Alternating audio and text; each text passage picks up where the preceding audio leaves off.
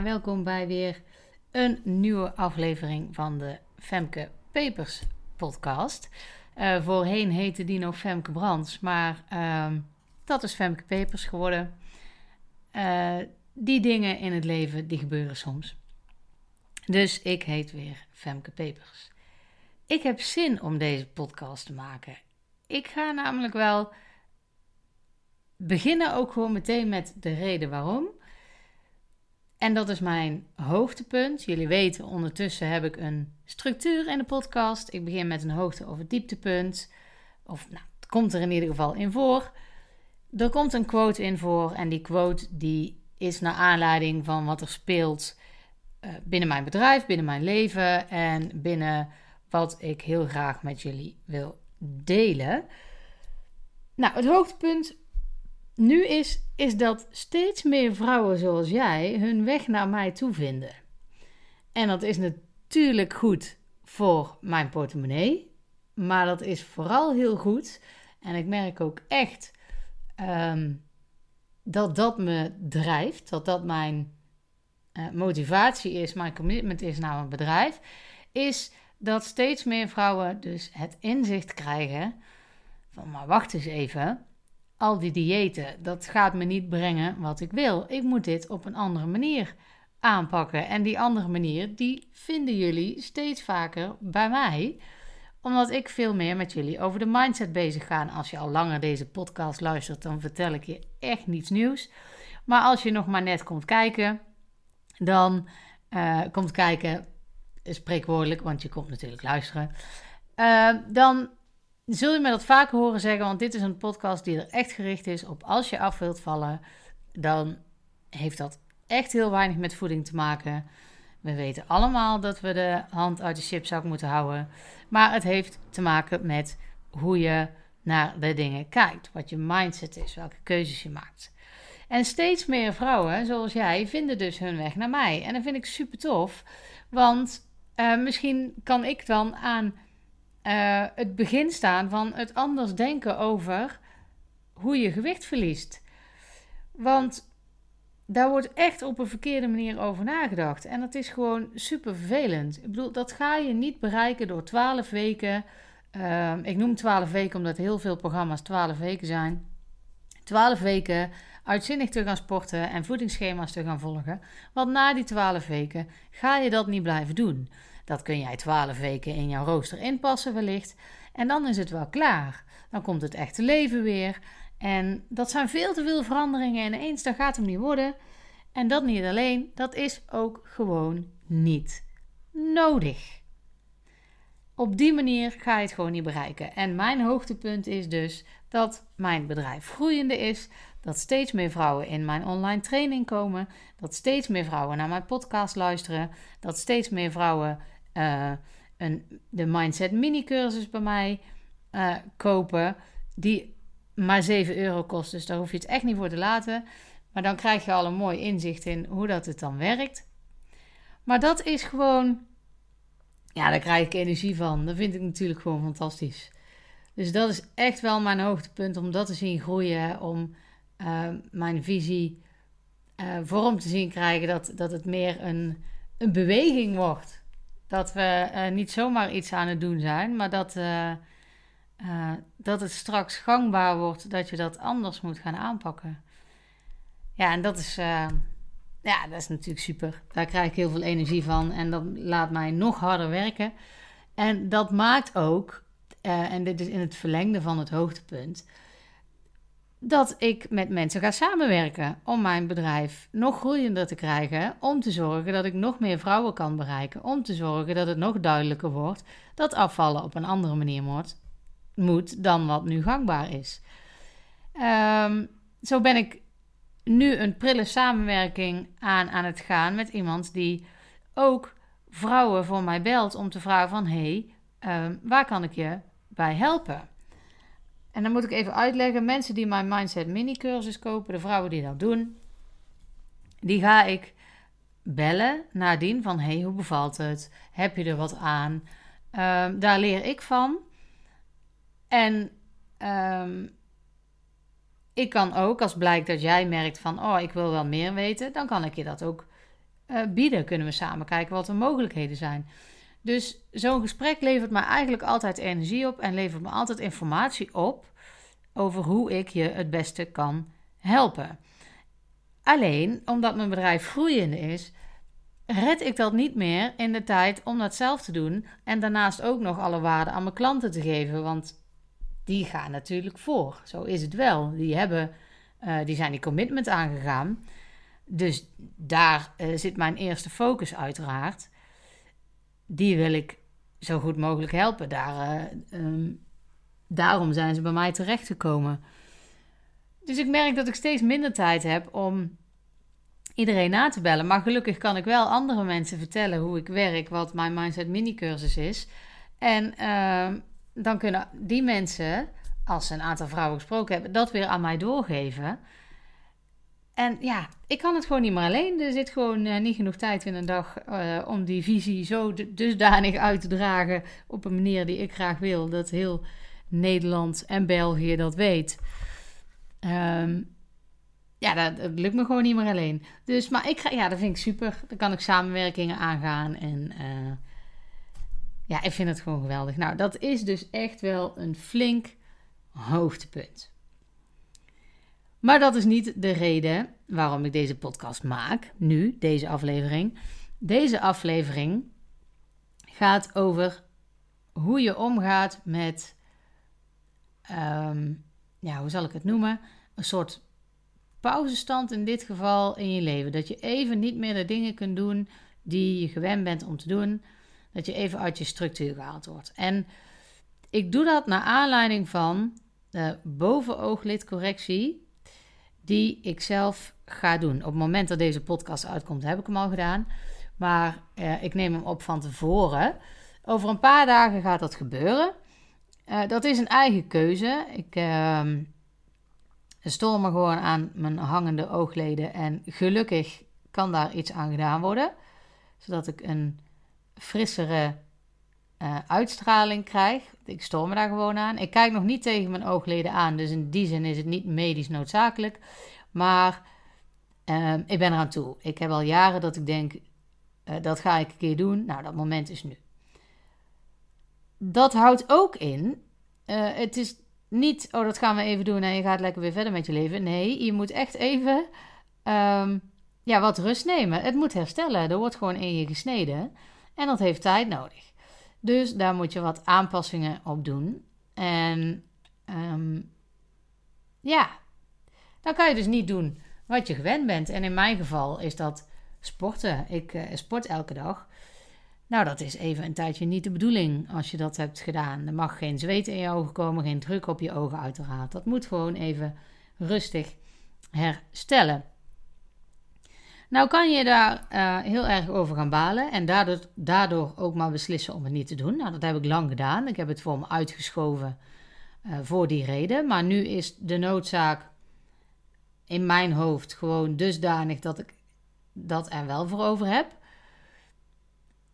Uh, ik zag daar heel erg tegenop en nog steeds wel een beetje, maar naarmate het dichterbij komt, ben ik steeds meer gaan denken. En dat is een quote die ik uh, daarbij heel goed vindt aansluiten. Als het leven je laat struikelen, maak er dan een salto van. En ik interpreteer dat als. Ik weet overigens niet waar die, waar die uh, Facebook-quote, want daar heb ik hem vandaan, uh, wie die bedacht heeft. Maar anders uh, alle credits naar diegene. Maar als het leven je laat struikelen, maak er dan een salto van. Is wel van toepassing op dit soort situaties. Dat je dus even een tijdje uh, ja, uit je balans gehaald wordt. Als je struikelt, kom je even uit je balans. Nou, en als je dan toch aan het struikelen bent, maak er dan salto van. Maak er dan iets leuks van. Ga er dan gewoon even in mee. Het is nu eenmaal niet anders. Um, nou, ik heb, moet nu trouwens, ik kom er dadelijk op terug, maar ik moet nu denken aan een voorval wat mijn vader wel eens verteld heeft. Uh, die werkte op de bouw.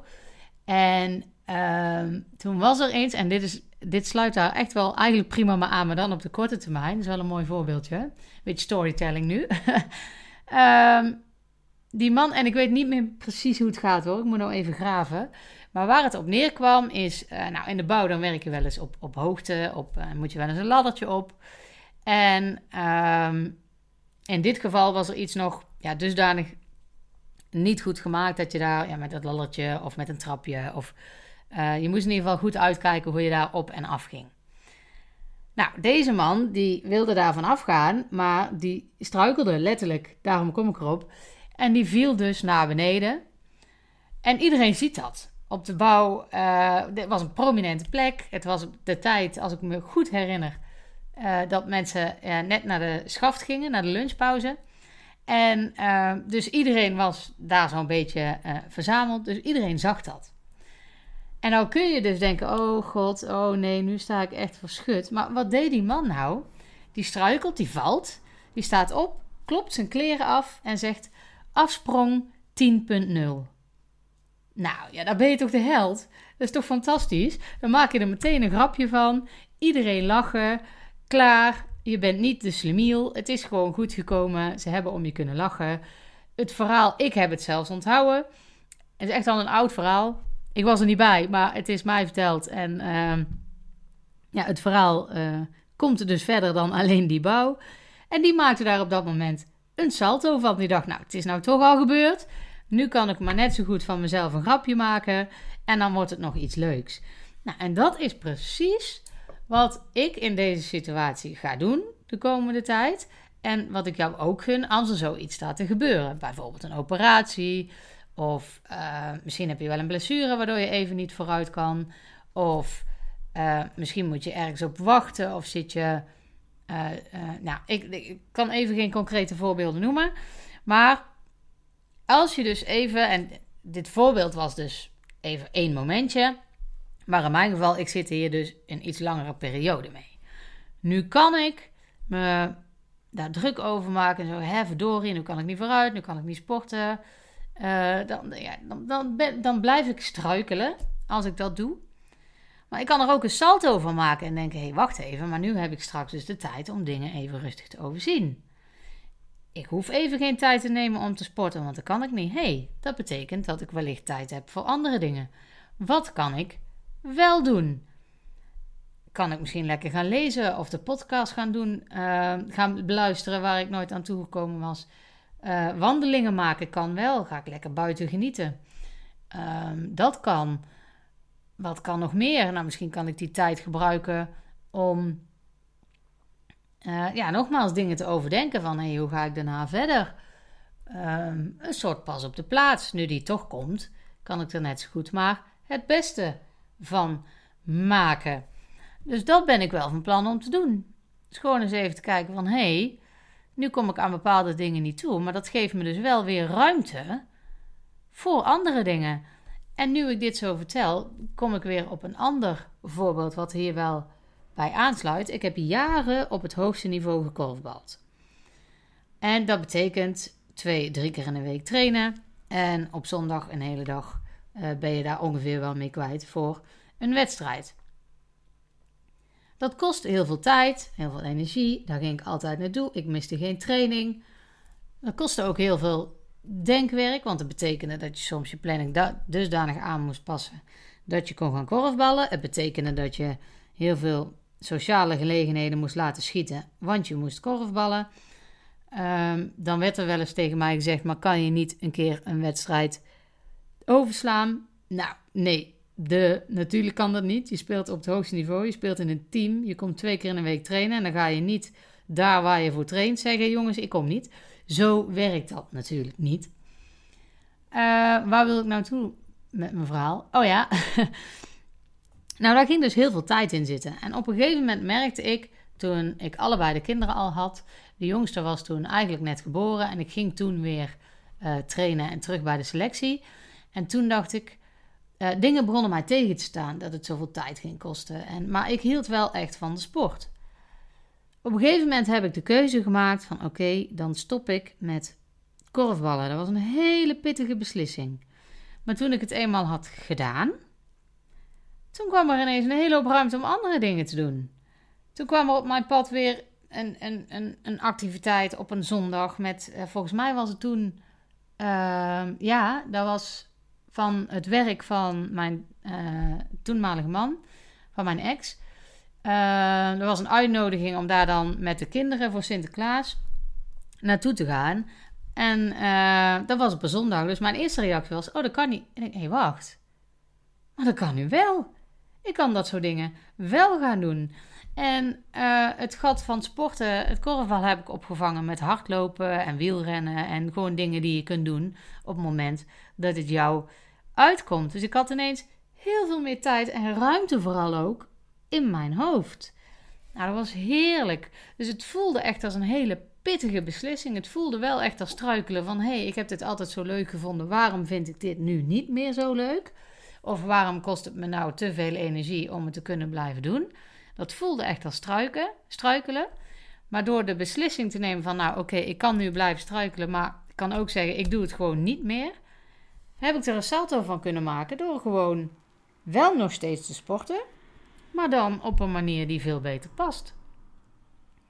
En um, ja, dat ga ik nu de komende tijd dus ook doen. Kijken naar de mogelijkheden die ontstaan hierdoor. Dus er zijn inderdaad een hele hoop dingen die niet kunnen, maar er gaan ook dingen ineens wel kunnen. Er gaat ineens ruimte zijn voor dingen waar ik normaal gesproken niet eens de tijd voor kan nemen. Dus dat is wel tof. Als je het zo kunt bekijken op het moment dat ik dat ging beseffen, kijk, anderen zeiden wel tegen me: ah, Femke is maar een week. Hè, uh, dan heb je het ergste gehad, waar maak je je druk om? Uh, en in eerste instantie dacht ik: ja, hallo, ik maak me daar echt wel druk om. Wie ben jij om tegen mij te zeggen dat ik me daar niet druk over mag maken? Een beetje zo van: ja, maar dit is mijn gevoel, hallo. Uh, daar stap jij zomaar even overheen. Dat was mijn eerste reactie. Maar later dacht ik: ja, eigenlijk is het ook zo. En welke kansen biedt het me juist? En daar ben ik over na gaan denken. En ik kan niet zeggen dat ik er nu zin in heb. Dat, dat is een beetje overdreven. We moeten wel realistisch blijven. Uh, ik ben heel blij als het straks achter de rug is. En dan bedoel ik niet de operatie zelf, maar het herstel. Als we dus uh, na de operatie weer twee weken verder zijn, dan is het ergst achter de rug. Daar kijk ik echt wel naar uit. Ik kijk echt wel uit naar het resultaat. Maar um, ja, ik, heb, ja, ik kan nou niet zeggen dat ik nu zin heb in vooral die eerste week. Nee, dat zeker niet. Maar ik sta er wel anders in nu. En dat maakt wel dat ik het minder erg vind. Um, ik heb er een salto van gemaakt. Nu al. En dat is wel een prettig idee. En om dit even door te trekken naar uh, hoe dat zit. Kijk, voorheen in zulke situaties, omdat ik ze um, nou, gewoon heel erg lastig vond en nog steeds wel vind, maar er een andere kijk op heb. Voorheen dook ik dan echt wel, ging ik ja, aan het snoepen. Dat was mijn manier om met dat soort dingen om te gaan, om met verveling om te gaan, met veranderende situaties om te gaan. En ik denk dat je dat wel herkent. Maar doordat ik mijn mindset daar dus nu uh, anders voor inzet, gebeurt me dat niet meer ik heb hier nu dus vooraf al over nagedacht, in plaats van dat het me straks overkomt. Uh, door de ervaring die ik heb uh, met hiermee om te gaan en zeker nu ook met het overbrengen naar uh, alle andere vrouwen, net zoals jij, die hiermee bezig zijn, doe ik dat niet meer. Dat gebeurt niet meer. Dat is niet constructief en dat kost wel even tijd. Uh, maar daarom benoem ik dit soort dingen in mijn podcast en in mijn begeleiding. En, uh, maar dat maakt dat je um, ja, daar andere strategieën op leert. Kijk, en hoe dat je nou precies zover komt. Hoe dat je nou op het punt komt van als het leven je laat struikelen, maak er dan een salto van. Ten eerste moet je dat bedenken. Nou, hoe kom je daar? En ten tweede, hoe pas je dat toe? Ja, dat is waar ik in mijn begeleiding heel erg mee bezig ben. Dat heb je niet nu, nu je dit één keer gehoord hebt, um, dat je denkt: oh, top, nu ga ik dat doen. Nee, dat kost eerst meer tijd en het is juist ook heel fijn als je iemand hebt die je daarbij kan helpen, want je herkent die situaties gewoon niet altijd. En dat is wat ik door de jaren heen wel heb geleerd en wat ik ook merk dat vrouwen die met mij werken dat nu sneller leren, omdat ze iemand hebben ik in dit geval, die ze daarbij helpt. Um, ja, begeleid eigenlijk, want je doet het wel zelf, maar er loopt iemand uh, achter je en als je het wil, even naast je. Dat is hoe ik werk. En nou, dat is gewoon super tof om te zien als andere vrouwen dat ook gaan bereiken. Dat waar ik heel lang mee bezig ben geweest, dat ik nu zie gebeuren, dat anderen uh, dat ook eigen maken. Ja, dat is natuurlijk super tof. En dan komen we weer terug op het hoogtepunt. Want ja, dat heeft te maken met het, groeien van mijn bedrijf. Dat ik steeds meer vrouwen daarbij kan gaan helpen. En dan is het cirkeltje weer rond. Dus dan zijn we aan het eind gekomen van deze aflevering. Ik hoop dat alles goed met je gaat. En tot de volgende.